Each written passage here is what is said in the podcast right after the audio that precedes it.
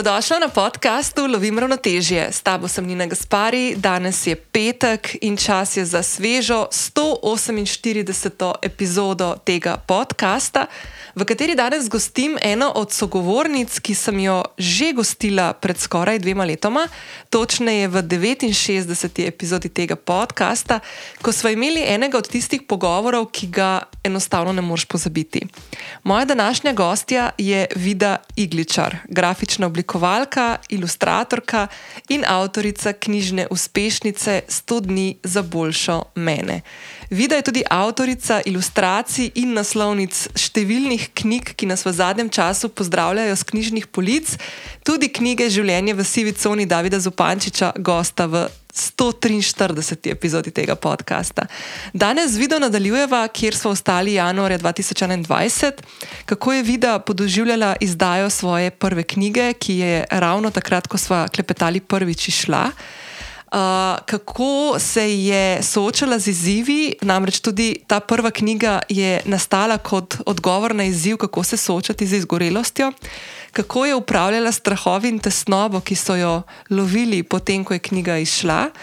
Uh, in kaj dela danes, kako upravlja s svojim razpoloženjem, uh, kaj pripravlja v prihodnosti, kaj lahko še vse pričakujemo od nje. Uh, Uh, če še nisi prijavljena na podcast Ljubim ravnoteže, to lahko storiš zdaj prek aplikacije, prek katere ponavadi poslušaš podcaste ali trenutno to epizodo.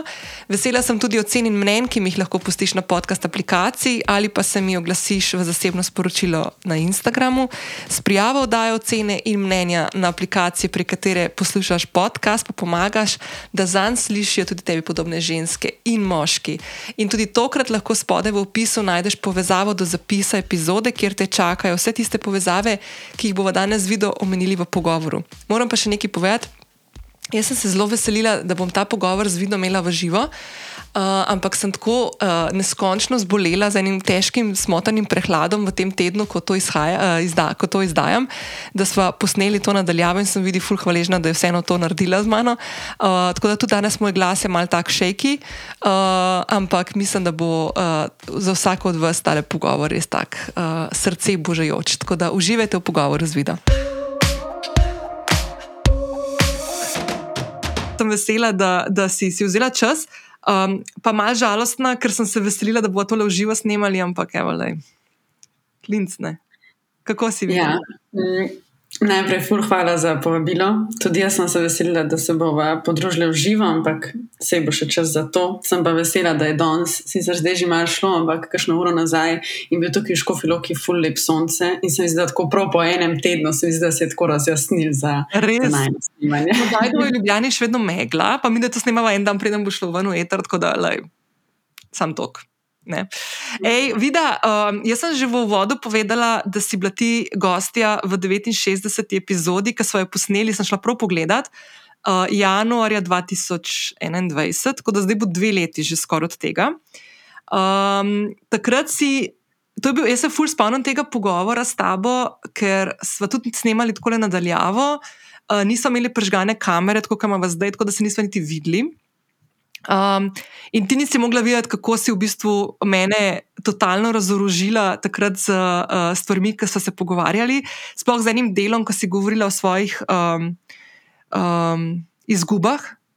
Um, in jaz sem takrat imela, po mojem, prvič, pa nikoli več tak občutek, ker sem se z nekom pogovarjala, da me je bilo ful strah, kako bom nadaljevala pogovor, da ne bom izpadla, a veš, da ne bom odsekala neko stvar ali pa ali pa bila tako čustvena, da ne mogla naprej pelati pogovora. Razumem. In se, jaz se spomnim eh, časa, preden smo snimali, mm, ko sem razmišljala in nisem vedela, ali je primerno to deliti ali ne.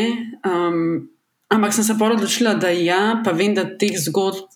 Ja, včasih pač šokirajo koga, ki jih povem. Uh mhm. -huh. Ampak so se mi zdele smiselne zapovedati, se mi zdi, da ene take izkušnje mene so zelo zaznamovale. In če ne bi tega povedala, se mi zdi, da težko pa res iskreno govorim o svoji poti in kako je šla, če bi izpustila nek pač mm. en tako pomemben del. E, ampak, veš, kaj se pa. Ne, sorry, ja. kako je.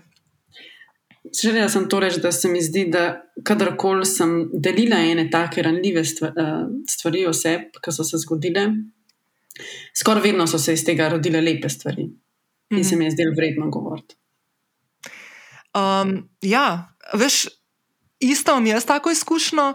In na zadnje, ki sem prav tebe imela v mislih, je bilo po mojem ne tri tedne nazaj, ko sem z Nino Kralj snemala iz Lunine vile o zlo, uh, spolnih zlorabah otrok, pa travmah.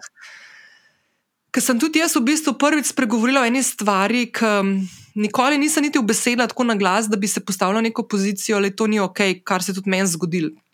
Vedno sem imela tako občutek, da okay, ni bila neka taka zloraba, kot jo nekateri drugi otroci v svojem času odraščanja doživijo ne tako v navednicah resna, ampak je bila moja in je bila traumatična, in še zdaj ima neke posledice. Ne? In vedno sem tako mal dajala tisto, ne, to ni. To, to ni bilo tako grozno, zakaj bi to zdaj izpostavljala. Veš, tako daješ v neke koncepte in v, neka, v neke okvirje, ki mogoče niso bili ta pravi, pa v bistvu si zelo neprijazen ne, ne do sebe, no, čistko iskreno. Ja, meni se zdi, te težke izkušnje v življenju pač ne gre jih primerjati. Jaz vedno rečem, da tisto, kar je bilo zate najtežjega v življenju, je pač to tvoja naj, najtežja preizkušnja. Bila, ne? Zdaj za nekoga je to, um, kako da bi rekel, objektivno težka preizkušnja, za nekoga je mogoče to nekaj lažjega, ampak če on to doživljal kot težko preizkušnjo, mm. je pač to nek dogodek, ki te je zaznamoval. Mm. Um, Da mi povej, na zadnje, ko smo se tako lepo pogovarjali, je bilo glih obdobje, ok, takrat je bil že tisti težek COVID, ko so bile knjigarne zaprte, pa si ti ravno dajala svojo prvo knjigo ven, uh, sto dni za boljšo mene, ki Bajdo je še vedno full, full. Um, The best knjiga in ful lepo darilo, mimo grede, uh, ravno v tem času. Um, ful je fajn knjiga, zato ker, kaj je bilo meni všeč pri tej knjigi, to, ok, itak je ful lepo narejena tvoja zgodba in noter, pa mogoče bi bilo fajn, da malo še enkrat pozameva, no, čistko. Um, ampak je fule pot tudi tako, ker ti da nek prostor, da lahko in neke istočnice, da lahko ti svoje misli pelješ skozi teh sto dni, in na koncu se bolj, spoznaš, mogoče kakšne stvari daš na papir. Um, mm. In prideš ven, mogoče ne vem, močnejši, uh, bolj vesel, bolj zadovoljen, bolj, bolj, bolj z tem občutkom, da, si, da se dobro počutiš v svoji koži. No. Da mi mogoče malo, samo tako uriš še enkrat, kako je prišel do te knjige, pa kaj ta knjiga je, kaj te je pomenila. Ja, um, jaz, potem, ko sem bila diagnosticirana z izgorelostjo, um, sem najprej več mesecev potem preživela na bolniški, sem si najprej res vzela čas za čist fizičen počitek. Um, z njim je pa neizbežno prišel tudi čas za temeljit premislek, da sem ne samo v teoriji, ampak da je tudi v praksi, v urniku začel moj urnik odražati vrednote, ki so mi bile pomembne če je prej moj urnik, če ga je zasedel predvsem delo um, in ustvarjanje, so potem to mesto zasedle aktivnosti, ki so pač gradile notranji mir. Vzela sem si čas zase, za bližne um, in sem hvaležna, da zlom ni bil v mojem primeru tako hud in sem se s časom lahko vrnila tudi nazaj k ustvarjanju. Mhm. Težava je, da.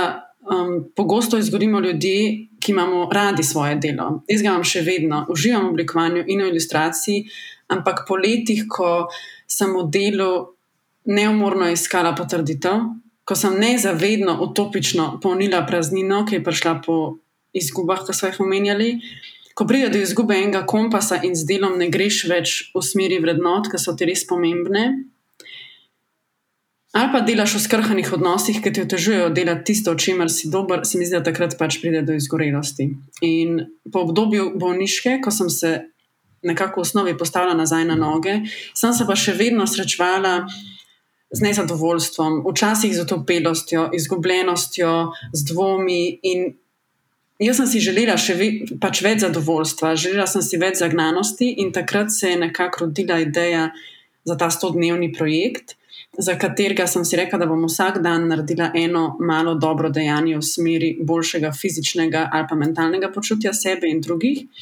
To sem opremila z ilustracijo in zapisom, v katerem sem vsak dan odgovorila na tri vprašanja. To so bila, kaj sem tisti dan naredila bolje, če se je zaradi tega kdo bolje počutil in če mi je tisto dejanje prineslo kakšno novo spoznanje. Jaz sem takrat projekt dnevno objavila na Instagramu in v teh stotih dneh se je meni res spremenilo življenje na bolje. Dosegla sem od malih do velikih sprememb, V tistem času sem postila službo v agenciji in stopila na samostojno podjetniško pot. Mm, spoznala sem partnerja, začela sem vikende preživljati v naravi, na mesto z računalnikom. vrnila sem se v rutino teka, gradila boljše odnose, spregovorila na temo izgorelosti, izgube, perfekcionizma in predvsem sem se na koncu pač res počutila občutno bolje. In to, kar sem jaz gledala kot na osebno zmago, in številni pozitivni odzivi, ki sem jih prejela tekom objavljanja na Instagramu, so me spodbudili, da bi ta izziv ponesla naprej. Želela sem si, da če sem sama našla en recept, nekaj, kar je Mendel val, da k temu nagovorim še druge, ki jim je tak način iskanja boljšega počutja blizu. In jaz sem takrat potem sama pristopila do mladinske knjige, dala sem jo urednico, s katero so pol full časa dobro sodelovali. In januarja lansko leto je projekt izšel v obliki knjige, priročnika, kjer so zbrani moji zapisi in ilustracije in združeni s praznimi eh, stranmi, kjer so ta tri vprašanja, da jih začne izpolnjevati še bralec. Še vedno dobim odzive bralcev, res lepe odzive, ki so se lotili projekta in jim je pomagal doseči spremembo na bolje, in to mi je res ena najlepših potrditev, ki jih lahko dobimo delo. By the way, sem da te popravim, da bo zdaj dve leti, veš. lani, je, še, je lani, januar, ampak malo bo dve leti nazaj. Tako da sem došvedla, da sta že dve leti od tega minili. Ja.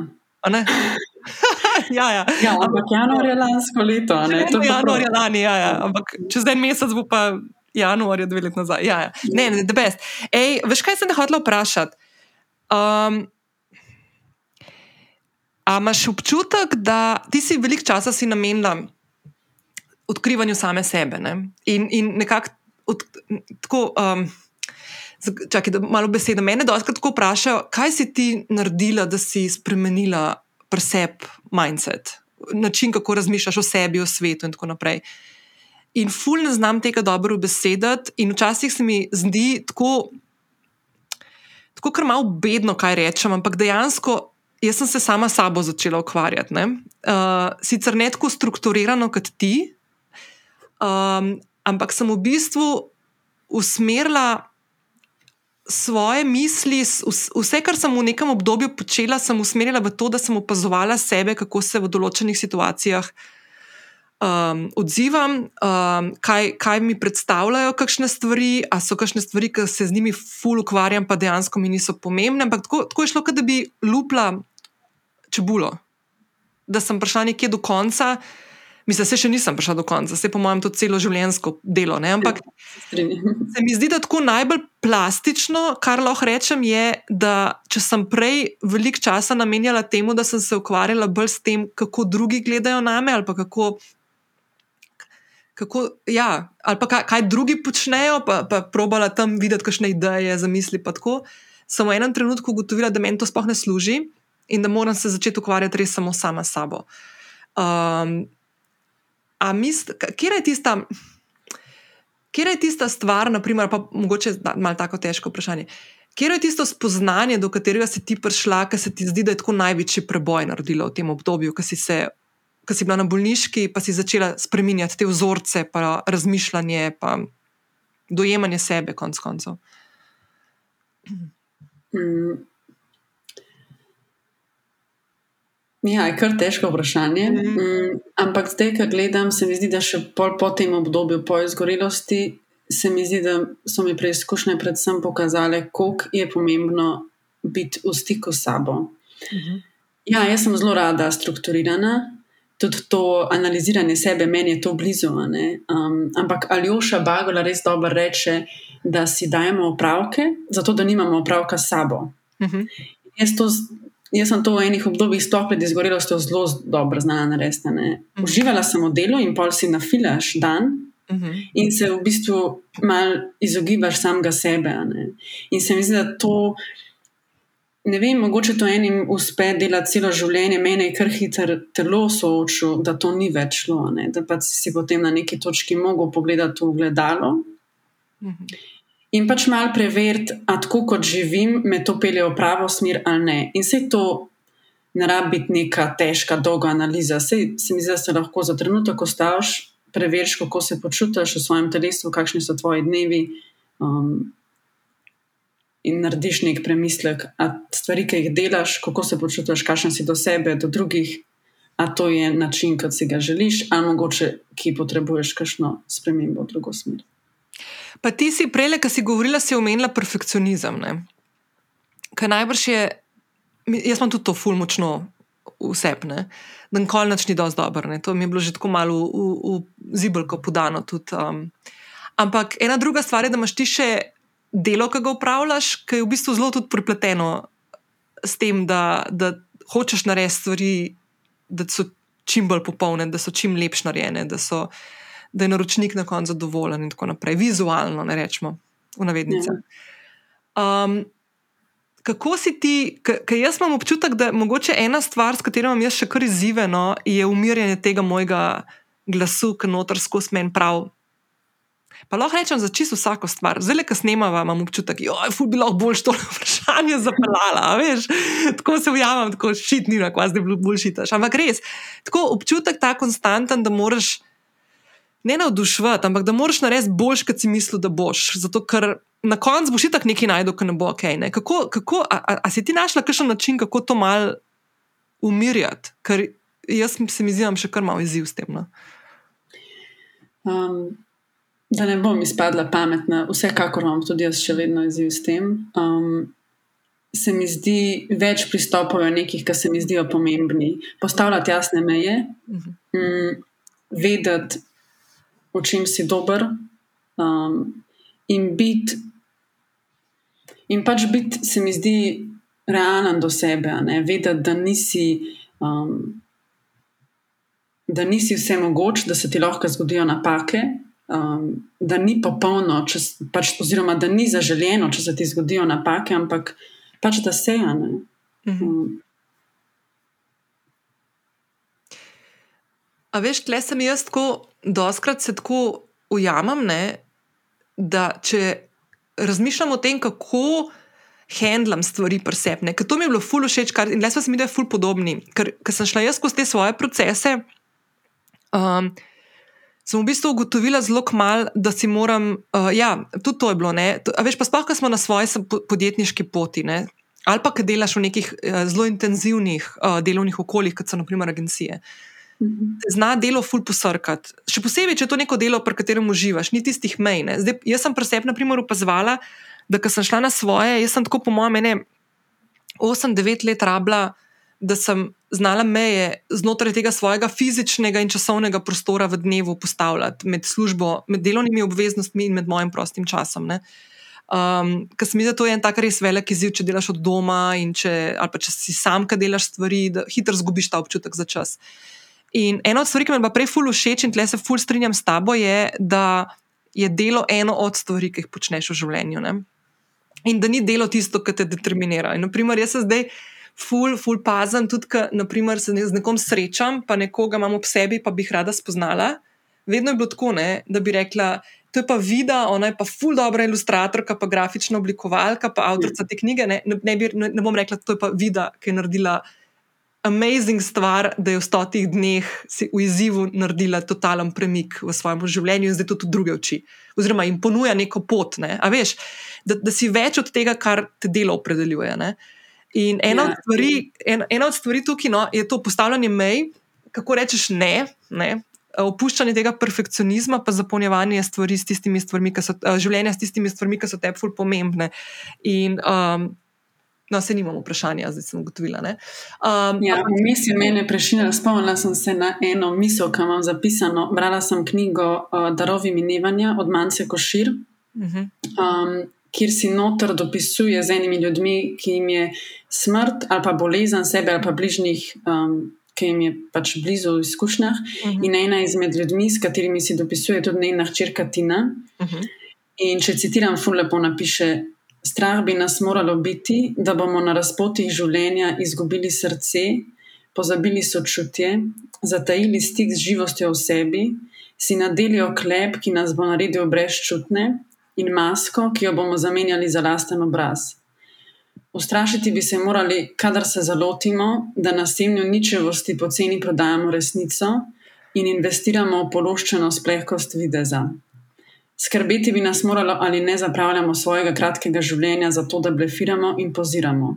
To je tisto, česar bi se morali zares bati, ne pa, kaj bodo rekli sosedje.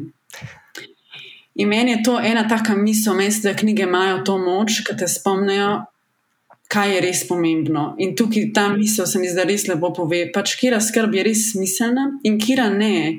Včasih se mi zdi, da se zaciklamo to uh -huh. v perfekcionizem, v primerjanje z drugimi, v skrb, kaj si bodo mislili drugi, v neko željo po dokazovanju, po enem uspehu, ki se mir navzven. Uh -huh.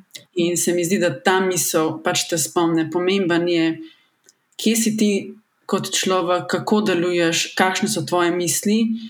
In ja, del tebe je tudi lahko perfekcionizem, pa napake. Mm, in je ok, da se pač sprejmaš, imaš svoje dobre lastnosti, imaš lastnosti, na katerih, katerih delaš in to je to, kar te dela pač mm polno, ne pa popolno osebo. Ful dobr, ful, ful dobr.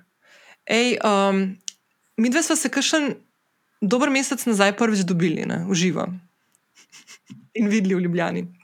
Ja, ne, drugače ti pozabila, da so se prvič videli v živo, ker smo šli skupaj na um, potop. A ja, uredimo to. Wow, pozabila sem. Sam takrat se nismo toliko, pač, ampak ja, jaz sem šla. Sem jaz takrat nisem šla noter, ne? Ja, si šla? A sem šla? A, ne. Ne, mislim, da nisem šla takrat. Aha, jaz sem sam zraven. No, jaz sem šla, ti si me spodbudila med drugimi in sem lahko ponosna. Dobro, ne? A si šla ja, še kdaj? No. Ne, nisem prav v izvir kamniške bistrice, nisem več šla. Um, sem se pa kar ne parkrat še kopala v zelo mrzlih rekah. Okay. In se mi zdi, da mi je tisti dogodek, tista izkušnja mi je dala pogum, da sem si rekla, da je to. Ej, meni še vedno tako, veš, tako si prav mislim, vsake to, to se z Miho pogovarjava, ko oni pa uh, hoja požarjavci, ki je ful podobna izkušnja.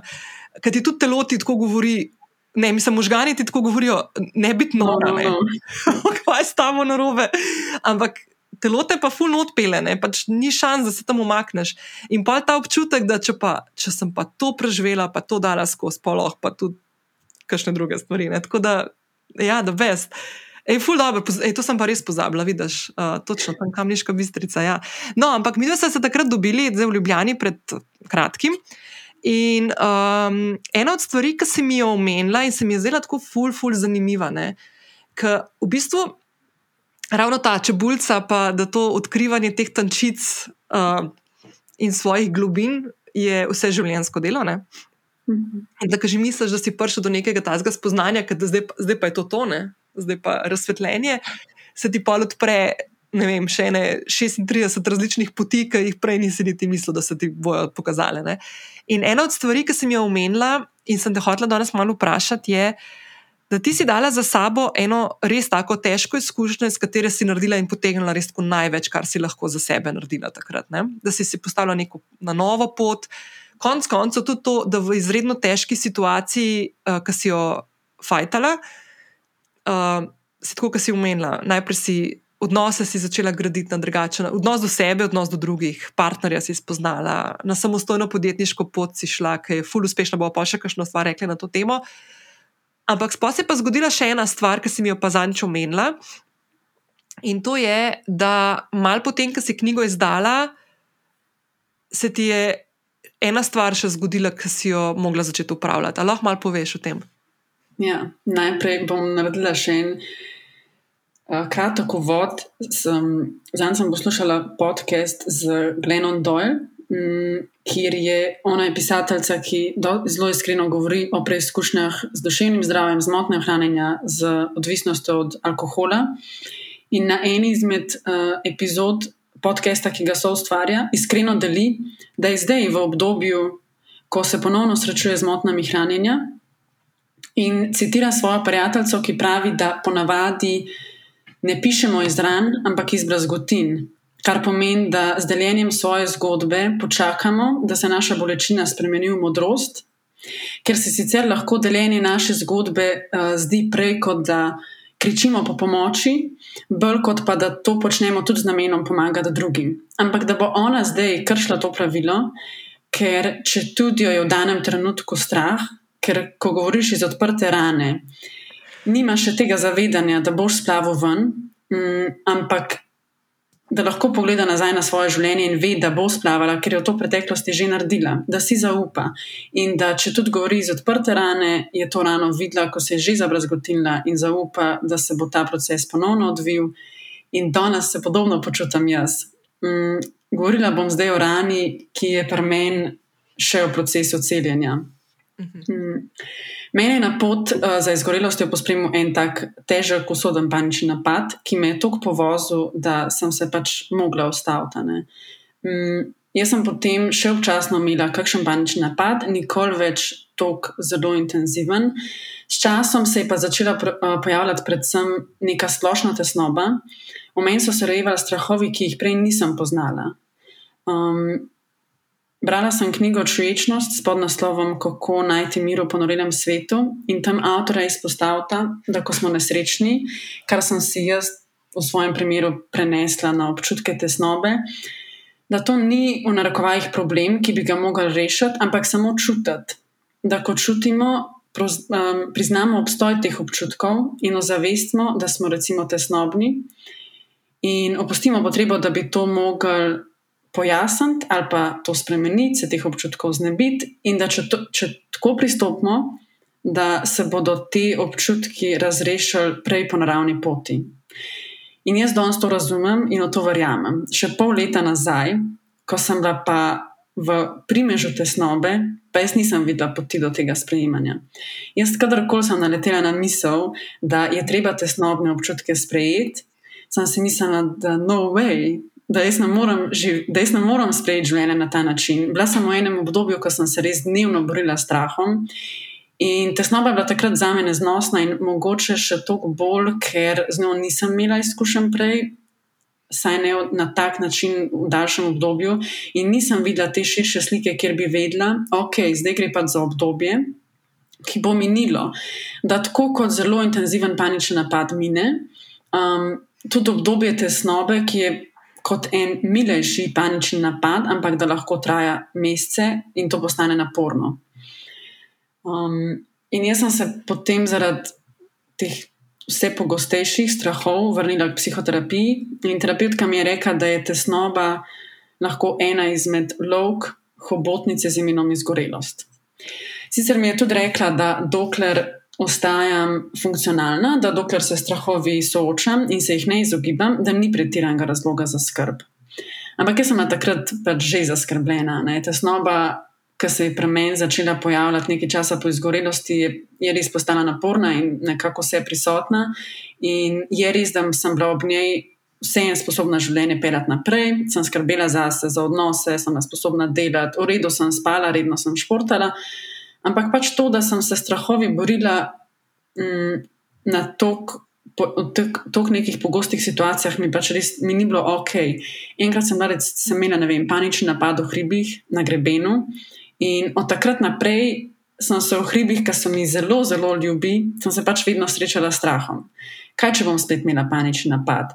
Kaj, če ta napad ne bo minil in bomo mogli priti iskati s helikopterjem? Enkrat sem se recimo ustrašila čakam dvigalo in pomislim, ojoj, kaj če se bo to dvigalo ustavilo in bom jaz ostala sama noter. In sem si rekla, da bom grem jaz rajš peš. In pol sem, ne vem, po moje. Pol leta hodila, vedno peš, živim po desetem nastropju. In najprej sem si rekla, da je pač s tem skrbim za fizično kondicijo. Potem sem si pa enkrat priznala, da pač gre za strah, ki mi začenja postavljati neke konkretne ovire v življenju nisem si upala v dvigalo, bilo me je strah grebenov. Včasih sem se v strahu že prebujala, ko je fant odhajal v službo in me je prešil na misel, pač kako bom preživela do povdne, kaj če bom imela panični napad in bom sama in se ne bom znala pomiriti. Bile so epizode, mm, kjer sem se recimo dobila s prijateljem, sediva na terasi, sončen dan, ona prejme telefonske klice, jaz pa vmes doživim mini napad tesnobe pač pospešim um, srčen utrip, švicam v roke, misli šibajo in obdobju par sekund grem iz mirnega stanja v totalno katastrofo, kako bom zdaj mogla kar ostati v Ljubljani, da ni možno, da jaz zdaj sedem nazaj za volan in da se samo odpeljem domov. In terapeutka mi je rekla, da po izgorelosti moje telo lahko tudi najmanjši stres doživi kot velikega. In ta najmanjši stres je pri meni lahko povzročila pač samo ena misel, ki sem jo resno vzela. Uh -huh. To sem zdaj povedala nekaj pač konkretnih, specifičnih primerov. Um, ampak s časom je ta strah se navezal na toliko aktivnosti, da sem se mogla dnevno pomirjati, se motivirati, se bodriti, kar pač je naporno. In kar se je zraven še dogajalo, je to, da jaz tega svojega strahu nisem razumela in še da sem se ga sramovala. Jaz sem se pri 18 letih preselila v Anglijo, v Leicester, v kraj, ki ga sploh nisem poznala. Šla sem na letalo, no, s kočkom, oblek, eno veliko mapo svojih risb in to tovorila najprej na letališču, pol po centru Londona in pol na vlak do Leicestra. In tam sem bila z eno nepoznano osebo dogovorjena, da jaz bom zdaj tam prevzela ključe stanovanja in jaz bom tam živela eno leto, na koncu sem ostala štiri leta, živela sama na redni bazi, letela domov in nazaj, še kasneje pol potvala sama po Aziji. In pol deset let kasneje se znajdem doma, v varni državi, v varnem domu. Um, in jaz se kar naenkrat bojim samote, bojim se zaprtih prostorov, bojim se vem, življenja in dobesedno same sebe. In Brené Brown, ki sem jo že v svoji knjigi 100 dni za boljšo mene omenjala, um, pravi, da stran potrebuje tri dejavnike, da zraste.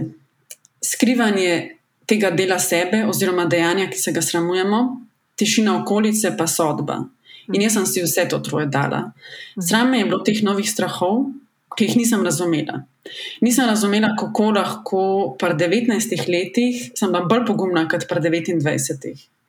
Strahove sem videla kot poraz. Sama sebi nisem znala obrazložiti, kaj točno se dogaja, še manj pa drugim. In obsojala sem se, da nisem pogumna, da sem padla, da sem v življenju naredila korak nazaj. In z obsojanjem sem strah zavidal sram, sram v tišino, in v tej tišini so pač strahovi, seveda, rastali. Sem pa jaz, kot sem že omenila, ne, jaz sem rada organizirana, jaz si naredim plane, to duje, jaz si pač vzpostavim nove navade in cilje, in rada analiziram, kopljem po sebi. Um, in ker nisem znala upoštevati tega na sveta, ker sem ga pogosto zasledila, da bi občutke tesnobe samo sprejela, meni to v tistem obdobju ni šlo, um, sem se odločila, da jih bom pač rešila na sebi bližji način, na bolj aktiven. In če sem se izgorelosti lotila s projektom 100 dni, sem se strahov lotila pa z enim novim projektom, in je v zadju nekje začela nastajati nova knjiga. Meni je terapeutka rekla, da kjer, ni, kjer je strah, da tam ni zaupanje. Da, kjer je, um, da tam, kjer ni zaupanje, je želja po kontroli. In ko sem se soočala s tesnobo, sem ugotovila, da moramo zaupati v, v tri področja. Moramo zaupati vase, v druge pa v življenje zaupati vase, da bomo zmogli, da bomo poskrbeli zase, da ne glede na to, kaj nam življenje prinese na pot, da imamo sebe in da smo sami sebi najboljši prijatelj in da se ne bomo postili na cedilu. To je bilo sigurno nekaj, kar sem jaz ob tesnobi imela zelo skrhano. Mhm. Zaupati moramo v druge, da nam ne želijo škodovati, in da smo enostavno vsi na svetu želi potem, da živimo dobro in zaupati v življenje, da nam na pot prenese izkušnje, ki nas bodo okrepile, in da je življenje lepo ne v svoji popolnosti, ampak v svoji polnosti, torej vsem pač dobrem in slabem, ki nam prinese, in da v življenju pač vidimo en svoj smisel. Mhm. In jaz sem najprej samo pisala, nisem pisala knjige, se mi zdi, da se pri meni knjige ne rojevajo tako planirano, sam pač pisala sem. Ko sem imela epizodo tesnobe, sem um, v roke vzela dnevnik, predvsem z namenom, da sem lažje oprijela svoje misli in da sem pač jih skozi pisanje nekako umirila, ker so šibale vse strani. Te zapise zdaj urejamo en del knjige, kjer osvetljujem življenje strahovi. Meni je, ko nisem razumela, kaj se mi dogaja, zelo pomagal, ko sem brala zgodbe drugih, ki so se prav tako srečali in z anksioznostjo, in z enimi konkretnimi strahovi.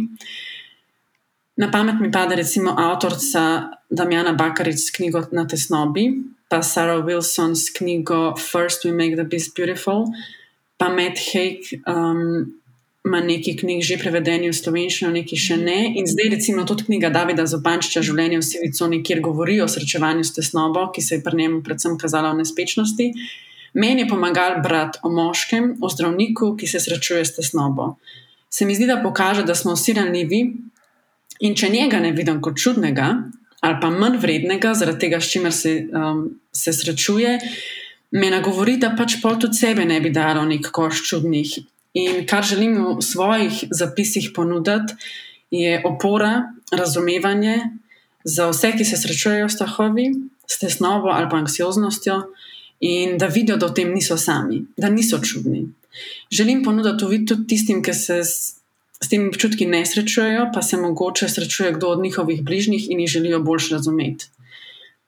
Skozi zapise tudi je zelo jasno, da um, delim pot od eh, temeljnega obdobja, ko so bili strahovi intenzivni, do obdobja, ko sem se postavila v aktivno vlogo in začela strahove bolj spoznavati, odkrivati, odkje so, zakaj, do obdobja, ko so strahovi potihnili do te mere, da sem jih končno začela sprejemati.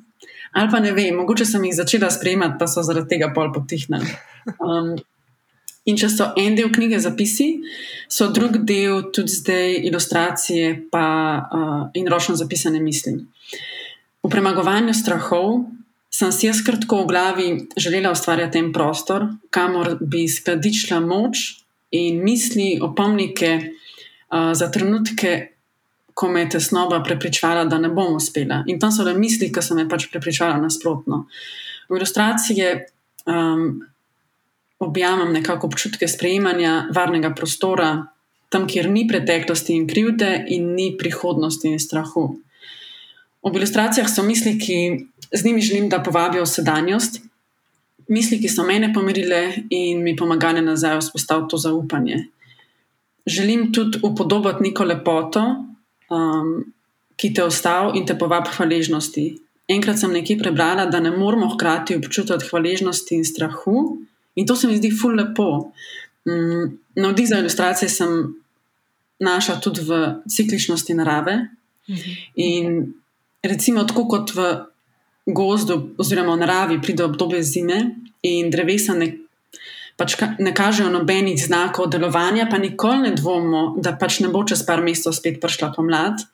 In se mi zdi, da to je ena tako lepa prispodoba, ki jo lahko prenesemo tudi na na svoje doživljanje slabih, pa dobrih obdobij. Da pač pride obdobje, ko drevesa odvržejo jesensko listje, mi na drugi strani odvržemo neka stara, napačna, škodljiva prepričanja, kar mogoče ni enostavno obdobje, um, in da potem pride vem, obdobje zime, ko se mogoče v naš niti ne dogaja nekaj posebnega, je čas za mirovanje, ampak vemo, da bo pač spet prišla pomlad in z njo veselje. Tretji del knjige so pa tudi tokrat um, nek prostor za aktivno vlogo bralke oziroma bralca. To so razne vaje, uh, prostor za zapise, razmišljanja, um, predvsem aktivnosti, ki vabijo, da pridemo v stik s sabo.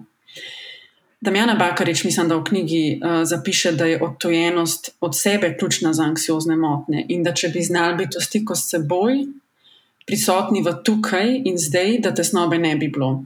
In če nam življenje, obremenjeno s preteklostjo, prenese depresijo, pa potem na drugi strani preobremenjeno s prihodnostjo, prenese tesnobo, se mi zdi, da je recept napisan, ne pač osredotočati se na sedanjost. In se mi zdi, da danes poznamo res veliko pristopov, čist praktičnih vaj, kako se vračati v sedanjost. Mm. In še liho včeraj sem na predstavitvi pesniške zbirke Marka Pišlarja z naslovom Od sebe bližine. On je doktor, psihiater, bil je dolgoletni strokovni direktor psihiatrične bolnišnice Idrija In po predstavitvi so ga vprašali, če kdaj svojim pacijentom priporoča pisanje kot proces terapije. In je rekel, da vsekakor. In se mi zdi ful lepa strani strokovnjaka potrditev tako za knjigo 100 dni za boljšo mene, kot za to, ki je zdaj v nastanju, da je smiselno nagovarjati bralca in mu, da mu že v sami knjigi ponudim prostor, da se loti pisanja.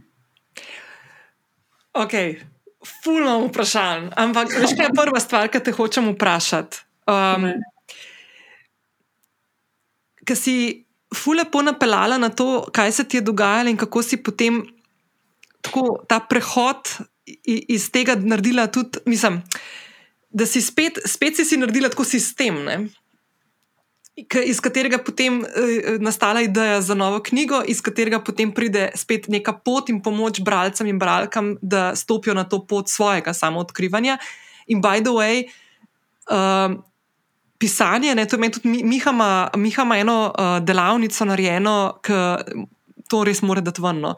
Uh, prav to terapevtsko pisanje. Uh, kako v bistvu s pisanjem najdeš tudi samo pomirjanje. Ne.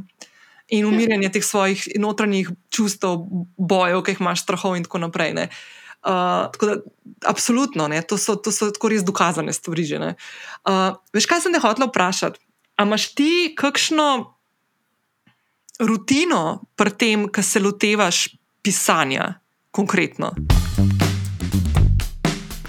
K pogovoru z vidom se vrnemo čez nekaj trenutkov, biti pa zdaj le zaupala enega od mojih najljubših načinov upravljanja s počutjem in to so rutine.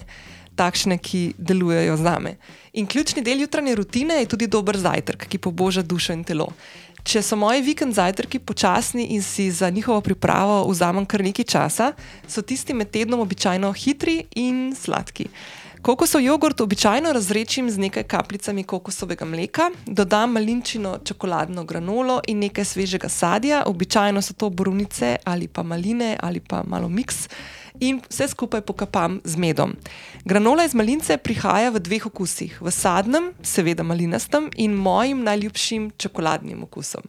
Malincine granole so veganske, vsebujejo visoko vsebnost prehranskih vlaknin, so brez barvil in umetnih arom in ročno narejene v Sloveniji. Domače granole iz malince lahko dobiš na njihovi spletni strani malinca.si, povezavo najdeš tudi v zapisu epizode, pri tem pa lahko ujameš še kodo s popustom ravnotežje 10 in ob zaključku nakupa dobiš še 10 odstotni popust. Zdaj pa nadaljujeva srčnim pogovorom z video. Drugač sem tukaj, se mi zdi, da um, veliko ti govoriš tudi o teh navadah in me je tukaj zelo zanimalo tudi tvoj pogled. Um, jaz sem si jih recimo prav za pisanje dnevnika, sem se jaz kar nekaj časa želela vzpostaviti rutino. Jaz sem dnevnik pisala že tako v najstniških letih, a ne to bolj tako v fantih, pa to. Uh -huh. um, pol sem ga ful pisala pač tudi za 100-dnevni projekt, ampak uh -huh. mogoče nikoli ni bilo v stilu journalinga, se pravi, da bi ti res se vsak dan usedel, recimo zjutraj, in pač prosto pisal. In tega sem si jaz ful časa želela. Tudi um, vedela sem, da naj bi to pomagalo pri anksioznosti. In veliko zapisov sem napisala ob tesnobi, ampak prav ta redna rutina, da bi vsak dan se usedla in pisala, torej ne samo v stiski. Ali pa sam ob dobrih stvarih, ampak da res vzpostaviš to rutino, da pišeš vsak dan in potem lahko spremljaš nek uh, nek proces, kako se ti dogaja vse dni, tudi takrat, ker recimo niti ne čutiš neke potrebe po pisanju. In meni to kar nekaj časa ni šlo. Ne. Imela sem v glavi, morala bi. Mhm. In potem, prav po obdobju, ko so se strahovi umirili, je pa prišlo eno jutro, ker sem se sedla, dokaj brez pričakovanj in ne v tej potrebi, morala bi, ampak res čisto iskreni želji sem se usedla in pisala. In od takrat je zdaj minil kar nekaj časa, kjer pišem praktično res skoraj čisto vsako jutro. Okay. In me zanima tvoje mnenje. Meni se zdi, da je za vzpostavitev rutine potrebna disciplina. Mm, ampak kaj narediš, kako veš, ko, kolikšna mera brcanja v rit je pač potrebna? Če na eni strani mogoče ti ena stvar takrat ne paše, ampak veš, da bi bilo dobro, kako veš, a zdaj ni pravi čas za to, ali pa gre za lenobo ali pa samo pomankanje ustrajnosti. Ker meni se zdi, v času, ko, so, ko je bila res huda tesnoba, je bil meni tudi stik s sabo, prav ta res pristen, recimo ali tišina, ali pa samo izlit svoje misli na papir. Je pa meni naporno, mhm. zato ker sem takrat sam še bolj videla, kako sem bila tesnobna. Uh mhm. -huh. Pomagal mi je, ko sem tesnobo občutila. Ko pa je ni bilo, me je pa mogoče morila ta misel, da bom zdaj spet pisala in videla, da moje misli so tako totalno neurejene. Ne? In je prišel pol čas, kjer je pa to pisanje full steklo in je, prišel, in je prišlo iz užitka in ne iz potrebe. Oh, kako bi našla še eno stvar, ki mi bo pomagala. Ne? No, jaz sem zdaj vmes, ko si ti govorila, vzela v roke moj dnevnik in pogledala, koliko zapisov, oziroma kdaj bo zadnji zapis letos napisan, uh, 7. september, by the way, uh, in koliko zapisov sem imela v letošnjem letu v dnevniku, in sem jih naštela pet. Jaz sem včasih bila disciplinirana, ker sem si res to z disciplino, jutranjo rutino, predvsem postavila to v vsakodnevno prakso. Pa magar, če bil en stavek. Um, kaj se mi je pa zgodilo, da sem to malo začela opuščati, je pa to, uh, to zdaj tako ful smešno, ampak bom brutalno iskrena. Lej. Odkar sem jaz v odnosu, ker sem ful zadovoljna in srečna, in se mi zdi, da mi vse stvari grejo tako, kot sem si kadarkoli prej želela, da bi šle, nimam tega občutka, da moram. Veš kako, tako. Ful mi je žal, ker pogledam zdaj nazaj te dve leti in si mislim, kako bi bilo lepo, če bi si malo več pisala, ki bi kakšne stvari si zapisali, čisto za spomine svoje, se ne drugega, ali pa kako sem kakšno stvar doživela. Pa, pa v bistvu ugotavljam, da se jaz k dnevniku zatečem, takrat, ko me neka stvar mori, takrat, ko imam neko obdobje ali imam neko tesnobno obdobje, ali imam neke izzive pred sabo, pa ne vem, kje jih prijet, pa kako jih obdelati. Ali imam nek strah, ki se z njim, ne vem, naprimer, to sem imela na zadnje, zdaj tako res tako uč, učiten strah pred poletjem, ki me je tako ful lovil, ošit, kaj vse se bo zgodilo septembra, jeseni, po zimi, vsi bomo tam ful bogi zaprti ne bomo, ne bomo imeli ogrevanja. Veš, kar nekaj te ja. bizarnosti, ki se ti začnejo v bistvu dogajati z nekimi temi impulzi, ki jih dobivaš iz predvsem medijev ali pa teh razno raznih družabnih omrežij, ki poročajo o različnih stvarih, ki se dogajajo po svetu. V glavnem, tako en kupenih takih stvari je bilo, da kar sem imela najbolj tako občutek, da se me nekaj časa lutevali in da me je držal, po mojem, dober mesec. Ne. Zdaj je spet ne, zdaj sem tako mal hojla drih, super mi je ne, in imam občutka, da moram to delati. Ne. In um, jaz sem full pristaš tega, ki se reka, kako, kako to presep najdete. Zato sem te tudi vprašala, da vidiš, če ti meni kaj znala povedati. Um, jaz, jaz sem bila tudi, ko se, veš, ko se vadbo, ko se spomnim, tako, kdaj sem hodila na kakšne te vadbe. Pa, to, pa sem hodila na eno, ki je bila taka, ki se je skozi skozi govoril, untraner verjemite, zdaj, zdaj ste na 20% svojih zmožnosti, še 80% imate, že čist mrtva in sem si mislila, da jaz, jaz nočem te strese na sebe več dajati. Um, jaz sem postala tako, po mojem, v zadnjih letih, ravno zaradi tega, ker sem začela sebe spoznavati, pa sprejemati takšno, kot sem, ful zaščitniška do sebe in se nočem dajati v te strese, tudi pri takih stvarih, kot je pisanje dnevnika ali pa rutini. Jaz še vedno ful verjamem v to, da so rutine dobre. In enako pomembno verjamem v to, da če pride obdobje, ki jih opustiš, je tudi to za nekaj dobro. A veš, zdaj, če imaš ti nek projekt z nekim rokom oddaje, ne, je verjetno to malce drugače, če ti delaš neko stvar za sebe, pa za svoje počutje. Um, ampak ni, nimam tega, veš, jaz v bistvu. Res je, jaz se opažam, no, da se konkretno k dnevniku zatečem takrat, ko imam občutek, da moram neko stvar preliti na papir, ki prenese več kot jaz. Tako iskreno. Me pa ful zanima, ker si rekla, da ti je ful lepo stekel. Um, a veš, kaj, naprimer, mi da se to z Miho doskrat pogovarjava, um, naprimer, kako se on sebe pripravi do tega, da začne pisati. Ne? In on vedno reče, veš, mi, mi nismo tako kot američani narejeni. Rekel je Stephen King, on je imel celo življenje, zakaj je to knjig napisal. Ne? On je celo življenje delal tako, da je 8 ur na dan pisal. On se je vsedel za računalnik zjutraj in je pisal 4 ure, si naredil kosilo in spet pisal 4 ure. Ne? Zdaj piše, ne vem, 4 ure na dan. Ne? Ta, ta produkcijski del, veš, da si ti v bistvu skozi konkretno noter v tem, da produciraš neko vsebino. Ne? Um, jaz si ful ne vidim, naprimer, da bi tako. Jaz si ful želim, pa bajdo je zdaj le se glih, uh, ne bom preveč govorila še o tem, ampak se glih lotevam tega, da bom pisala tudi stvari, malo bolj tako za tudi druge. Um, bom malo kasneje povedala, kaj točno je, oziroma bom te povedala, ker zaključujem snemanje, ker ne smem še na glas povedati. Um, In v bistvu je tudi tako, da bom mogla vzpostaviti neko rutino. Prvič to, da bom sproducirala neko vsebino do roka oddaje, pa drugič, da bom sproducirala neko vsebino, skozi katero želim dati nek pogled v neko moje razmišljanje, pa mnenje, kar je včasih ful težko. Ne?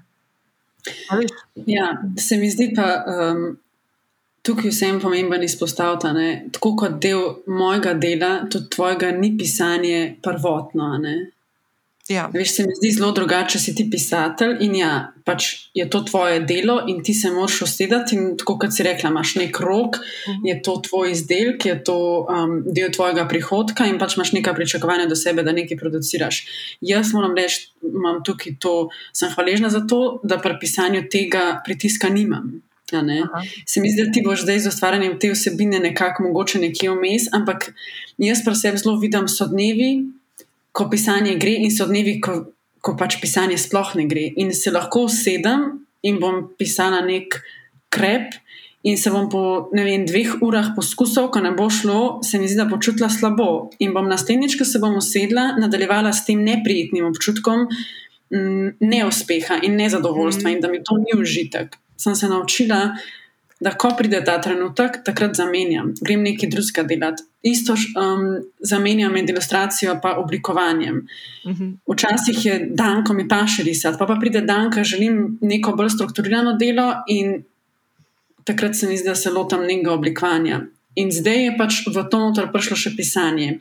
Je dan, ko pridejo ideje, ko se mi zdi, da mi pisanje gre in pač. Še vedno so pa dnevi, ki pa ne vem, kakšen je dan, ki pa mogoče bom tvegala, da ne bo šlo dobro, mogoče pa zamujam priložnost, da bi nekaj dobrega napisala. Ne? Vse takrat so pa neki izzivi, um, ampak v osnovi pa se mi zdi, da vsaj glede pisanja sem se naučila sprejeti, da pridejo dnevi, ko so ugodni za to in da je čist ok, in ni nobenega, ni treba sploh, da je kakšen razlog, zakaj so pa tam dnevi, kjer pisanje ne gre. Mhm. Ej, ampak ti imaš tle znotraj, zdaj v knjigi, ki si omenila, te, ki jo zdaj pripravljaš, ne, je v bistvu podobno kot v prvi knjigi, se pravi, da bo velik del tudi ilustracije. Ne? Tako. ja. Um, kako pa, naprimer, um, a veš, kaj ti še vedno, ko dojemaš, ta, naprej, rečemo, da je to projekt. ne, Uh, ti imaš ta projekt, rečemo, da stoji iz dveh, oziroma pa še ta, ta tretji del, kjer boš ti bralca oziroma bralko not propeljala skozi neke vaje. Ne? Um, se pravi, ti imaš, naprimer, dan, ko ti ne steče pisanje, je pa lahko to dan, ki ti bo pa stekel, da narediš kakšno ilustracijo. Pa boš še vedno lahko naredila kljukc v navednicah, ne, v glavi svoj perfekcionizem, ki ga loviš, pa te mogoče še malo to lovi, narediš eno kljukco. Ok, bil je produktiven dan, ne, ker je bila narejena ena ali pa dve ilustraciji, ne vem, koliko časa ti to vzame, da sem vse je. naredila. Ne. Je, ne? In to meni trenutno zelo ustreza, da imam Ja. ta različna področja, med katerimi um, menjavam, pač po potrebi in po trenutnem razpoloženju. Ja, ker to se meni zdi tako ful, taki, v bistvu sta tako uh, dosti povezani stvari, ampak v bistvu ne, da te lahko ena drugo motivira, ne? oziroma preklaplaš lahko ful, lepo imaš občutek, da delaš čisto neko drugo delo. Ne? Čeprav Ja. je za isti kos. Ne? Zdi se mi tudi zelo drugače delati za naročnike. A veš, se boš videla, ko boš eno je, ko pišeš iz sebe Mhm. in razdajaš iz sebe, drugo je pa, um, se mi zdi, da v osnovi je dosti lažje, če imaš ti nek brief. Ne? Jaz tako za, in za ilustracije, in za oblikovanje, ko delam za naročnike. Je tam nek cilj, se doreče, to je smer, to je ciljna skupina, CCA, tako želimo, da bo izgledal. Um, isto je, si predstavljam, če pišeš za nekoga drugega, ne, imaš ti tam neko temo, veš približno, kakšna naj bo dolžina, o čem bomo govorili.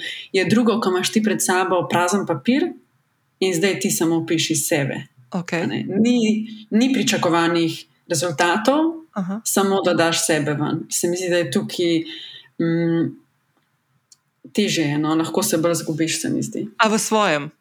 v svojem. ja. Ej, a veš, da imam jaz meni, tako jaz doživljam. Ej, meni je pa zdaj le, okay, brez da to povem, pa bom čez kma- kmalu bom povedala, kaj, o čem zdaj govorim. No? Ampak jaz, na primer, konkretno zdaj le bom uh, pripravljala stvari za, dru- za nek drug kanal. Ne? Se pravi, da ne za mojega, kjer vem, kakšna je publika, kjer vem, uh, kako se publika odziva na vsebine, uh, kjer vem, kaj pričakuje od mene, in tako naprej. In imam občutek, da mi je ful večji izziv tisto drugo zdaj. Mhm. In se v bistvu, veš, kaj je fora, veš, kje se zdaj lovim. Ne? Pri obeh, pri obeh delih gre za to, da nekdo želi od mene mnenje. Ne? Rečemo, na kjer koli stvar. In meni, na primer, ni panike na mojih kanalih povedati in obesedati moje mnenje. Zdaj se pa ful preigravam in grem v bistvu totalno ven iz svoje cone obdobja, ker tisto sekundo, ko začnem jaz razmišljati, da bi svoje mnenje podajala na nekem kanalu, ki ga ne poznam, ki ga mislim, poznam. Ga poznam, ampak ne tako, da bi ga ustvarjala. Ne, ne vem, kdo se bo to bral in definitivno bo to publika, ki drugače nima nobenega stika z mano. Imam občutek, da se dajem takoj v vlogo, ki sem jo praktično 20 let delala in to je vloga PR-ovke. Ki hoče mašence dajati gor, pa hoče lepo izpasti, in pa na koncu v bistvu zakamufliraš tako stvari, da postanejo totalno neživljenjske in totalno ne, ne moreš se poistovetiti kot bralec s tem.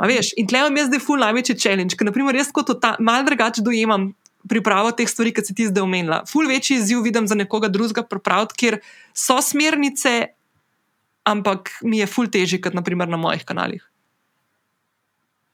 Ja, mogoče pa tukaj tudi to stvar, da si, da si ti zdaj. Že da ti je poznano ustvarjati za svoj kanal, ne? in ja. tisto je zdaj nekaj, kar ti še ni tako poznano. Um, ampak sem pripričana, da boš tudi tam pač dobila pol feedback in boš videla, da to deluje, to ne, in se boš pač učila. Um, Hkrati pa veš, da so, še vsem so pa tebe prosili, da ti ustvarjaš kanale za druge. Sprav, ja. Še vedno je pa želja, da ti izhajaš tudi iz sebe. Mm. Ja, ful je zanimivo, je ful, ful, ful. Um, um, veš, kaj sem te hotela, še eno stvar, mogoče se mal nazaj um, uh, spet dotakniti teh strahov, ki si jih preomenila. Um, Kaj si ti opazila, mogoče tako presep, ali pa verjetno predvidevam, da si se veliko s tem ukvarjala, pa mogoče tudi s kom pogovarjala, ker imaš okrog sebe v teh stvarih. A si mogoče opazila, kaj je tisto, kar nas naredi, da smo mogoče malo bolj dovzetni za strahove? Oziroma, a, a, a si ugotovila, če je kakšna taka stvar, ki se nam tako dogaja, da se nisem teb, da se tako mogoče malo širš ljudem dogaja, da nas ujamejo neki strahovi, nas primajo, nas ne spustijo. Ja, veliko sem razmišljala o tem, tudi malo v iskanju vzrokov, zakaj so se meni ti strahovi pojavili. In se mi zdi, da ljudje, ki smo jim podvrženi strahovom ali pa tesnobi, da smo veliko z mislimi v prihodnosti. To mi je ena taka prva istočnica bila. Se mi zdi, da so velikrat prisotna visoka pričakovanja do sebe, želimo ustreči drugim, pomagati drugim, ali je to vezano na druge, ali je to čisto vezano na sebe, da si zastavimo, da želimo doseči to, uno, mhm. pogosto, tako kot smo omenjali, je perfekcionizem v igri. In tudi to, kar smo že govorili, da nas mogoče žene vsem tem eno ponotranjeno prepričanje, da nismo dovolj. Uh mhm. -huh. In ja, meni se mi zdi, da sem ob srečevanju s strahovi mhm. zelo da sem odkrila, kako je pomembno to vračanje v sedanjost. In mislim, da David Zopančiš tudi ali v epizodi, ki je bil pri tebi, ali pa v enem izmed svojih, na svojem podkastu, citira nekoga, ki pravi, da bolj kot smo oddaljeni od sedanjega trenutka. Z mislimi večje so težave. Ali je to preteklost, pa ne vem, mogoče občutki krivde, ali pa strah pred nečim, kar je včasih tako daleč v prihodnosti. Mm. In tukaj se meni je tukaj zelo pomagala meditacija, čuječnost, uh, biti prisoten, se osredotočati na dihanje, uh, dotik, objem. To so vse neke prakse, se mi zdi, ki te, te potegnejo nazaj um, v sedanjost.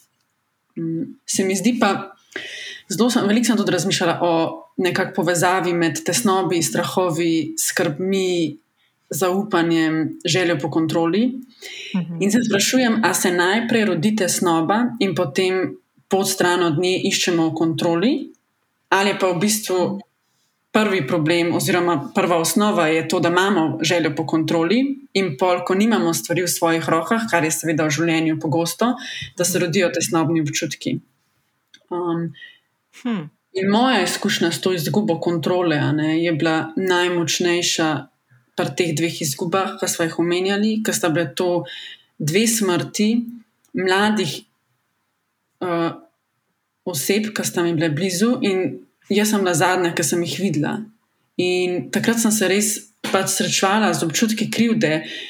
In pomisleki, da bi lahko kaj naredila drugače in preprečila tak razplet dogodkov. Mhm. In podobno sem se pol krivila ob strahovih. Krivila sem se, da se mi to dogaja, da sem postala tako prestrašena, da bi mogla zbrati več poguma. Um, mhm. In zdaj vidim, da vse stvari, ki niso v naši kontroli, in recimo panični napad, ti totalno zgubiš kontrolo nad svojimi mislimi in nad svojim telesom, to je tisto, kar nas uči spuščanja, pa sprejemanja. in pa me spet prešine misel, ne, da je kontrola tam, kjer ni zaupanje in koliko je pomembno to zaupanje, da ga gradimo.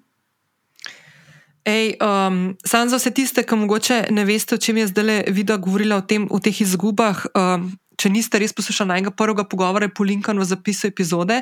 Tam je polinkana tudi njena knjiga, tako da greste lahko tudi tja, pa jo kupite. Če boste to naredili zelo v tem času, je še nek popust knjižni z recema. Uh, drugač pa, ful si dobro to povedala. Pa veš, kaj mene zanima? Zdaj le si totalno, da best ubesedila to, kar sem jaz govorila. Jaz v bistvu mene je zdaj le strah ne, tega novega izziva.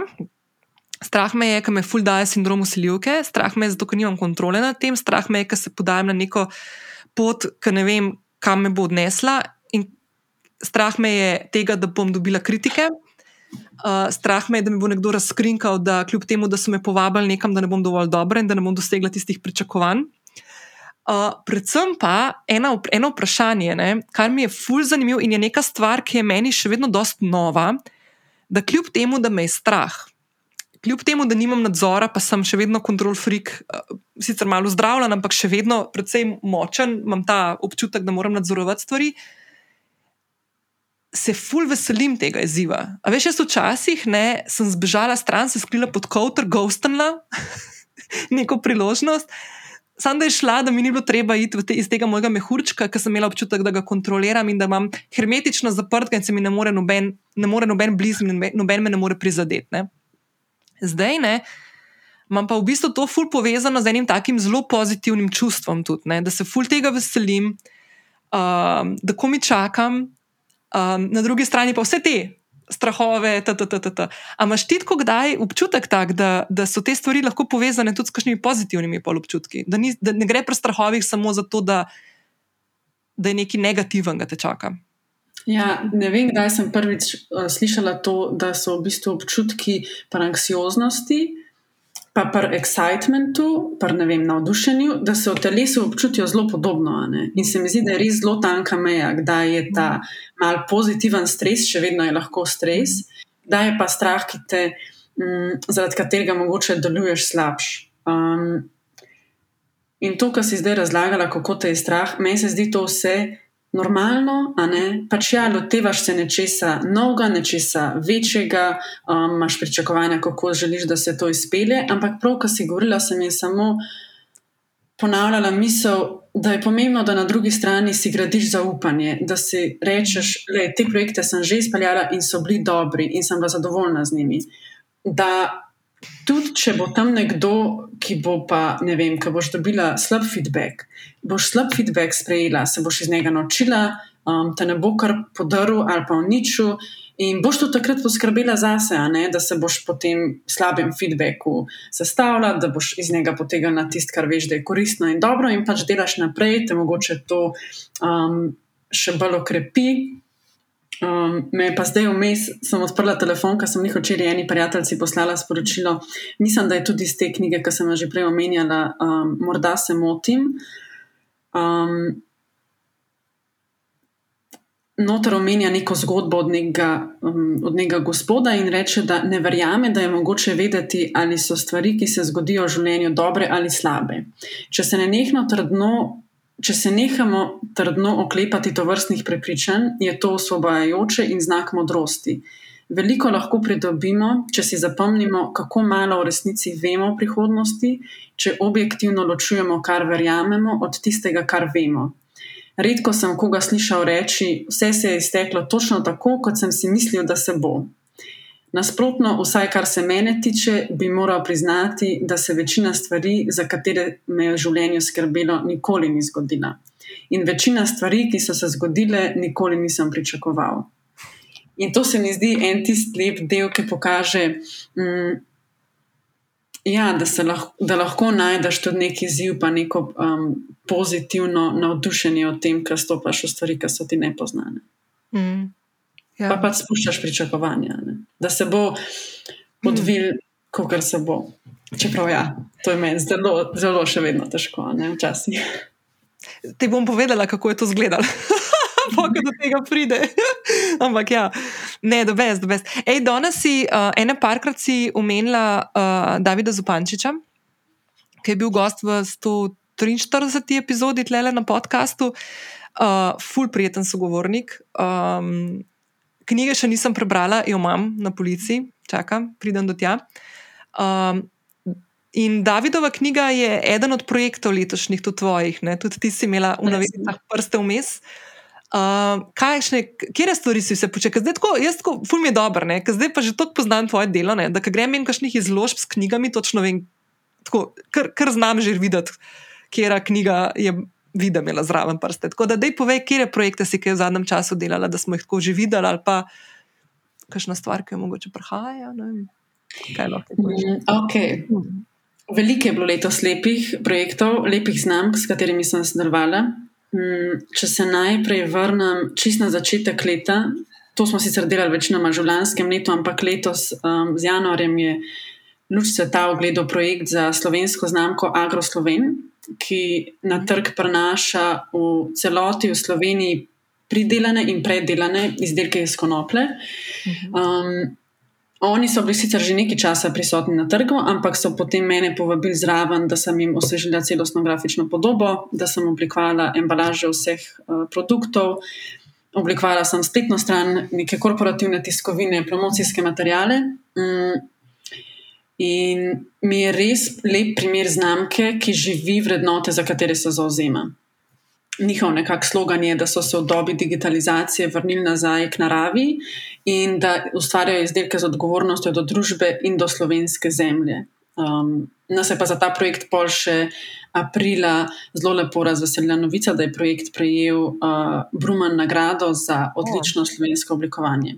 To so take lepe potrditve za za me, za, kot oblikovalko, in pač tudi za, za naročnika, da, da se dela dobro. Mm. Mm. Druga znamka je bila pol letos, za katero sem tudi kar nekaj časa delala, je Galbaja, Natural Dermathecary. Gre za naravno, organsko, dokazano aktivno kozmetiko. Aha. Ki uporablja avstralske avtohtone sestavine, in v izdelkih nima nič vode, ampak na mesto ne samo pač neke sokove in hidrolate. Um, tukaj gre za novo znamko v Sloveniji, rojeno, za katero sem prav tako oblikovala celostno grafično podobo, pa embalaže, spletno stran. Um, in tem je bil tak en lep. Lep projekt, kjer se da povedati, kaj pomeni pač prenesti neke vrednote znamke v, v izgled. In smo, zato ker je izdelek res bogat, smo um, ga nadgradili v tisku zlato folijo. Uh, um, da da nek tak luxury izgled in stil ilustracij glavnih, glavnih izdelkov. Um, je narejen tako s takim stilom, čist sam v pikicah, kar nekako asocira na ta umetniški stil ilustracij uh, avstralskih domorodcev. Mm -hmm. In te dva projekta se mi zdita res lep primer, um, kaj rada delam in kje vidim eno svojo močno točko, ko delam z naročniki. Rada delam za tiste znamke, kjer si kot prvo vred, delimo ene vrednote. In rada delam takrat, ker mi zaupajo celostno vizualno zgodbo, ker potem res lahko jaz prevzamem skrb, da bo pač se znamka pojavila celostno, da bojo a, materiali pasali skupaj, da kadarkoli pride potrošnik v stik z znamko na kjerem koli materialu, da bo jasna rdeča nit. Um, In se mi zdi, da lahko za to poskrbim, da, da takrat in da združim vem, oblikovanje in ilustracijo, da takrat lahko um, nekako naročniku ponudim res največ in neko celostno zgodbo. Mhm. Pol je bil en letos lep projekt, je bil slovensko glasbenico Anjo Kotar, ki sicer živi v Ameriki, tako da se v živo sploh še nismo spoznali. Mm, si je pa za letošnje leto dala, pa za 2022 dala projekt, da vsak mesec izda eno pesem, ki se imenuje po tistem mesecu. In sem jaz pa v bistvu ilustrirala coverje za vse te pesmi. In je bil, je bil res tak lep, mm, pač dolgotrajen projekt. Je bilo lepo spremljati in moj stil ilustracij, kako je nas nekako razvijal in kako so se njene pesmi razvijale, um, in ne na zadnjem pač tudi najn odnos iz vidika sodelovanja dveh, dveh umetnic. E, ja, si to tako naredila, naprimer, da ti ona pošlje naprimer, za decembr komat, pa na podlagi tega ti pripravi. Tako da je bilo tudi meni iz vidika, iz kje sem črpala na vdiha. Mhm. Tukaj pa nismo govorili o ciljnih skupinah, pa na ja, katerem ja. mediju se upravlja, ampak je bilo samo tako. Ona mi je poslala um, demo komada, ki še ni bil končno uh mhm. posnet, uh, besedilo, in mi recimo povedala, kje je ona našla navdih za ta komat, in sem pol jaz ali iz besedila ali iz tega nekega navdiha pač počrpala nek, nek moment, ki sem ga potem upodobila. Hudo, ful dobra fora. Okay. Ja, pol je bilo pa letos še. Um, Ena zdaj, mislim, je maži prišla ven, malo še v nastajanju, je nova slovenska znamka Perro, ki um, za njo sem oblikovala tudi vizualno podobo in se je z leseno, s hrastovo mizo, primerno predstavila na letošnjem sejmu Ambient in tako je prejela nagrado Top Ideja, taka res lepa, elegantna miza. Tako da to je ena znamka, s katero delamo in um, zdaj nekako se postavlja. Um, drugo je bilo, da je um, ob selitvi v nove prostore zaživela tudi celostna grafična podoba, ki sem jo oblikovala za kozmetični salon La Bonita. Aha. Zelo lep, prijeten salon, notranje oblikovanje je delo, biro, prostornina in je res tako lep, ženstven. In mi je bilo pa tudi zanimivo, čeprav nismo sodelovali, ne, je celostna podoba nastala nekako ločeno, ampak je res ujet podoben stil, tako v recimo, ne vem, vizitki, pa v barvah, kot je pol tam v salonu, kjer se prepletajo neki neutralni toni, pa mal um, ženstveno roznih, pa recimo zlate. Hudo.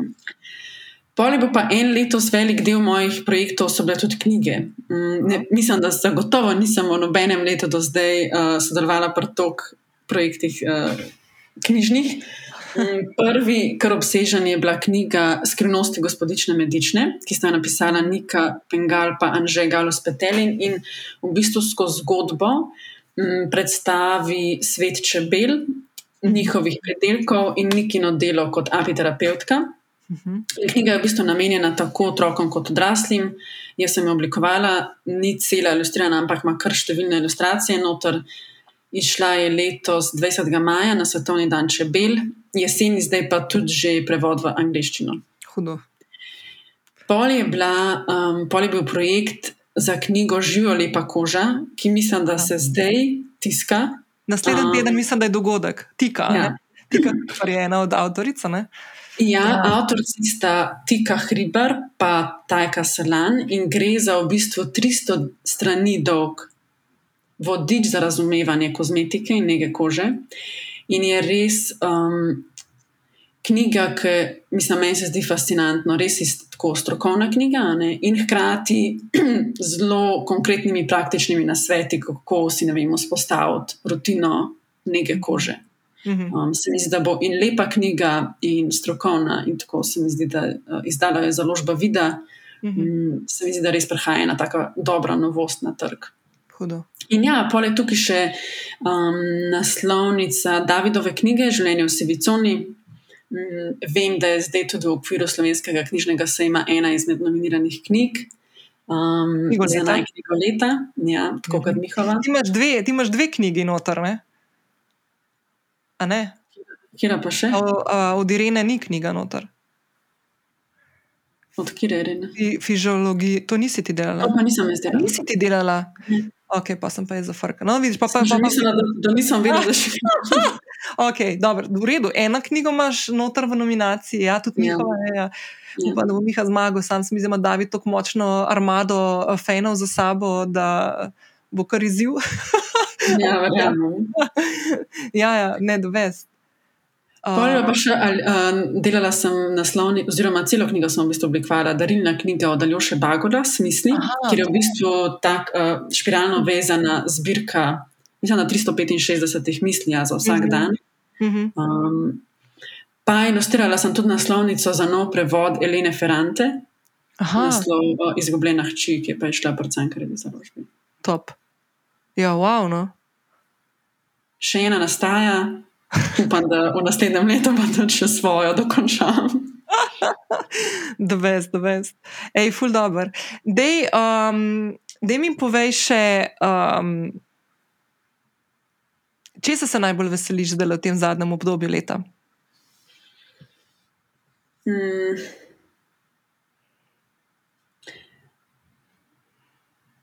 Decembra imam planiran en uh, rojsten dan, imam tudi decembra, tako da imam planiran en getaway s prijateljicami. Mm. Okej. V bistvu se veselim, upam, da bo, tako, da bo mirno obdobje. No. en večji projekt imamo še zaspeljati. Um, Veliko berem zadnje dni, tedne in se veselim, da, da, da si se tako, kot si nekako zdaj, da si veselim, da, si, da bo še ta decembrski čas, prazničen čas. Um, mislim, da bo veliko časa za branje, oziroma pač si želim, da si ga bom vzela za druženje z bližnjimi. Tako se mi zdi, da decembr res. Um, Da, potek, da spodbuja prave vrednote. No. Mm -hmm. To, to praznovanje življenja, dobro jesti, se družiti z bližnjimi, da še tako te pregledi leta, to je meni zelo pisano na kožo. se mi zdi, da, da rada tako pogledam nazaj, pa mal, um, pač se, mi zdi, da to spodbuja ta stik s sabo, ki izpostavljam, da je pomemben. Pa se meni se zdi, da to fulno delamo, veš, da ful smo skozi usmerjeni nekam naprej, kot si rekla, ne, ali, ali nazaj ali naprej, ampak ne moreš naprej, če ne vidiš, kje si, pa katero pot si prehodil. Se mi zdi ta del, sploh le na koncu leta, smo ful vsi fokusirani na naslednji let, naslednji let, kaj si želim, kakšni so cilji ampak se pa ful premalkrat ozremo nazaj, pa naredimo eno tako čisto nežno inventuro stvari. Predvsem ne s tem, da bi se obremenjevali preveč s tem, kaj nismo naredili, ampak predvsem, da pogledamo, kaj je bilo narejeno. Smisel, da tega premalo, to premalo delamo. No. Da, ja. Se strinjam, se mi zdi pomembno, da vidiš in si poveš stvari, ki se ti zdi, da jih delaš dobro. In se mi zdi, da s tem gradiš pomembnost teh stvari in da poskrbiš, da pač si boš tudi v prihodnje vzel čas za to. Um, ja. Prej sem pomislila še, in se mi zdi, da je decembrski čas tako lep um, čas za te odnose. Da en, en dar, ki mi ga je prenesla tesnoba, je mogoče še večja tankočutnost, pa empatija, pa občutek za svoje človeka. Pa ne v tem smislu tako razdajanja za druge, um, ker se mi zdi, da ko se srečaš s tesnobo, če to traja daljše obdobje, si, si res primoran postaviti trdne in jasne meje. Mhm. Um, mislim, empatija kot posledica ene izkušnje, ko vidiš sebe v stiski. In kako te lahko ena mala prijaznost drugega, in lahko je to neznanca, kako te lahko potegne ven iz panike v hvaležnost in na drugi strani je lahko en neprijazen, en nepotrebno nesramen kontakt, ali pa ne vem, če recimo nekdo v službi izvaja pritisk na te, da je to lahko postane ena kaplja čez rob. In ko vidiš, kakšno moč imajo drugi, veš, da imaš to isto moč ti. Da lahko, ne vem, trobaš na cesti, si nesramen do prodajalke, ki čakaš v vrsti, mm -hmm. lahko pa pomisliš, da ima mogoče ta oseba zdaj težak dan in da imaš ti moč izbrati prijaznost in na mest, da povečaš stisko so človeka, jo imaš možnost mogoče oblažiti ali pa mu pač samo za sekundo polepšati dan. In vem, da sem, se mi je zgodil, kdaj, da sem bila med ljudmi, med nepoznanimi, pa je prišel strah pred paničnim napadom. In jaz sem si res rekla, da če bo treba, jaz bom šla do prve osebe in bom rekla, da imam panični napad, da ne mi pomagajo. Um, in ob vsej tej zaskrbljujoči statistiki, koliko je ljudi, ki imajo izkušnje z anksioznostjo, sem si rekla, da bo v množici pa sigurno nekdo, ki bo vedel, uh, kaj se mi dogaja. In to možnost, da tako kot mislim, da Aljoša Bagola to reče, da ko gremo po pomoč, da to pomeni, da gremo po pomoč. -hmm. Da sem videla to pristopu do neznancev da in da nikoli ne veš, kdaj si ti ta neznanec, ki nekomu predstavlja možnost utehe. In se mi zdi spomen se na to, kakšno moč imamo polepšati drugim dni in da to res ne rabijo biti velike geste. Um, se mi zdi, da je decembr tudi čas za to. Ker je čas obdarovanja. Um, Pa da za to res niso potrebna neka velika darila, to so res lahko pač prijazen pozdrav nekomu, um, pa da nekoga ne vem, res pogledaš v oči, res poslušaš, da mhm. nekomu nameniš svojo pozornost. E, ampak to je ful dobro, kar si zdaj rekla, ker bom dala en primer. Um, mogoče ne dva ali pa tri tedne nazaj smo šli z mojo sestrico tlele čez cesto v Alejo v Ljubljani na uh, pijačo v Teto Frido, prvič sem bila. Mhm. In je bila ena natakarca, ful simpatična, ampak tako se je videl, da ali je imela ful velik stvari. Um, oziroma, pol kasneje smo videli, da je v bistvu čist na sveže, da je bilo prvi dan ali drugi dan v službi. Tle. In smo se tako, veš, v dveh, v dveh stavkih smo tako polepšali dan, zato smo se ful zafrkavali nazaj z njo. Tako. pri, prikupno zmedena je bila, veš, ampak lahko bi bilo to tako zdaj, odrezavo, tečno, nesramno, kako koli. Lahko na humor narejeno. In ona, se, ona je šla v to smer, humorno, in mi smo to zagrabili in smo se ful zaklepetali. In pol, ker smo šli plačati, ne, je povedala, da, v bistvu, da je cela ekipa praktično čist nova. Ne. In zdaj hodimo pra, vsak teden tja, ker moja sestra ima vsak torek varuško in je zdaj ful dobro, ko vsakeč, ko se vidimo, se narežimo ful veliko. Ampak kaj hočem povedati? Ne? Res en stavek ali pa dva sta včasih um, taka odločilna, ki lahko nekomu polepšata. Pa, mogoče ne sam dan. Ne? A veš, res, ne sta, res te ne vzame veliko energije, časa tudi financ, sploh ne, se ni vse povezano z denarjem, ampak res tako mal je treba, tako mal. Um, in jaz zdaj te stike, prav, full bolj opazujem. Um, mal tudi zaradi tega, by the way, zdaj le sem, odkar sem avgusta avto prodala, pro, uh, mal več moram uporabljati uh, ljubljanski potniški promet. In, naprimer, kaj vidiš na avtobusih, ne, kjer jaz nisem bila v bistvu praktično 15 let. Ne mi je to čisto svet, ki ga zdaj le gledam. Ne? In, in, in spremljati in videti, kako se določeni ljudje odzivajo na takih mehkih stvarih, ali da se mu omakneš, ali da mu kaj pridržiš, ali kaj pade, pa pobereš. Ali, veš, tako. Mhm. Take čisto mehke stvari, ki pokažejo, da si videl, ne? da si tam v trenutku, koliko je to vreden. Um, koliko je to vreden za neko čisto človeški odnos. Vidim te, problem imaš, lahko ti pomagam, tle sem. Ne?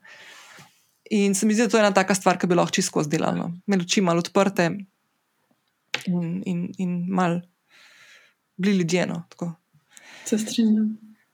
Ej, vida, ful ti hvala, uh, ful se veselim, da se vidva, kmal. Tudi jaz. Uh, pa ful hvala za ta pogovor, res. Hvala tebi za povabilo vsem poslušalcem. Jaz upam, da bom. Um, kmalo prišla spet k tebi, ki bo imela ki v rokah. um, ampak ne, mislim, mi je lepo, sem vesela, da sem se nekako tudi pogumila govoriti o enih teh stvarih. Upam, da, so, da bo ljudje, ki se jih bodo dotaknili. Um, ker se mi zdi, ko izdaš knjigo, ne, imaš potem. Imáš zelo jasno sliko, kaj želiš z njo sporočiti, in um, imaš v glavi neke stavke, kako predstaviš svoje delo. In jaz nisem na tej točki. Moja knjiga je v nastajanju um, in še niso tako skristalizirane stvari, um, ampak upam, da, da je vsem sem uspela predati neko, neko sporočilo. Ampak, gledaj, ko bo knjiga zunaj, boš spet prišla. Ne? Tako da, no, veš, pa boš takrat povedal. Pa mogoče lahko nadaljujeva, kje si bila takrat, ta drugič, ki si bila. Gosta, kaj se je iz tega zgodilo? Ker to mi je fule pomenilo, v bistvu ena od fulepih stvari je ta, da, da po premagovanju enega velikega izziva, ki si ga polsko s to prvo knjigo dala skozi, da so se novi izzivi pokazali in da zdaj to dela. Meni se zdi to, to je tisto premikanje, aktivno premikanje naprej v življenju. No? Ne da si nek statičen, pa da te podre. Stvar, Ker se mi zdi, da prava moč v življenju je, da se soočaš s temi stvarmi in, in se aktivno z njimi ukvarjaš. Ne. Um, ena, vem, da je ena misel v, ta, v knjigi Sto dni za boljšo mene, da me je izgorelost naučila, da se po pacu lahko vedno znova poberemo in vrnemo ne samo močnejši, ampak predvsem sočutnejši do sebe. Uh mhm. -huh. mislim, nisem si mislila, da bom imela kmal še eno lekcijo iz tega, ampak je bila. je prišla lekcija še enkrat, malo drugačni vidki, ampak ja, očitno. Um, očitno res ne gre stran v življenju, tist, uh, neki, dokler nas ne nauči tistega, kar moramo vedeti. Ej, to je tisto, lej, vse življenjsko delo. ja, res je. Ej, ful, hvala, videla lepo vodi. Enako. Hvala, vidi, in hvala tebi, da si ostala oziroma ostal z mano do konca. Um, Jaz sem pričakovala, da bo tale pogovor z video en tak srčen, um, topu in poln enih takih uvidov in pogledov v um, te notranje boje, ki jih vsak od nas bije v sebi. Um, eden od teh pogovorov, ki spet ponovno odkriva, kako pomembno je, da se pogovarjamo o stvarih, ki nas um, težijo zato ker take stvari povemo na glas ali pa povemo, kako se mogoče prebijamo skozi kakšne življenjske izzive, preseb, kakšne, kaj do kakšnih spoznam pridemo in če to delimo na vzven. Uh, je tako, kot je vida citirala Aljošo Bagolo, uh, gremo po moč, po svojo moč, postajamo s tem močnejši, ne šipkejši. Um, in predvsem tudi drugim kažemo, da niso sami v svojih bitkah. In to je, po mojem, ena od fulepih daril, ki ga lahko damo sebi in drugim. Um, jaz sem ful, ful hvaležna vidi, da um, je imela tak lepet z mano, ker malo težko mi je bilo danes tole snemati. Uh, ker sem vmes zelo veliko kašljala in mogla sklapljati zvočnik, in sem še vedno tako malo ošvohena od tega tečnega prehlada. Ampak sem zelo, zelo hvaležna, da, da je bila tako krasna sogovornica in da je eh, tako na široko znala obesedati te misli, s katerimi se zadnje dve leti uh, ukvarja in kaj iz tega je potegnila ven, da bo spet tudi eno darilo dala vsem nam, bralkam in bralcem, da bomo tudi mi lahko našli kakšne načine um, samo sprejemanja in samo spoznavanja. Uh, jaz sem eno stvar umenila v tej epizodi, uh, da se ne načrtuje, oziroma da prihaja k malu. Ne smem še govoriti preveč o tem. Um, ampak to, kar sem rekla z video, da se v bistvu blazno veselim, po drugi strani me blazno strah, bom pa tudi vse vas povabila, da greste pogledat in prebrati uh, stvari, ki jih bom dodatno še pripravljala in se ful veselim, da mi boste kakšno stvar povedali, kako se vam zdi. Lepo se majte, lep petek in še lepši vikend. Ciao!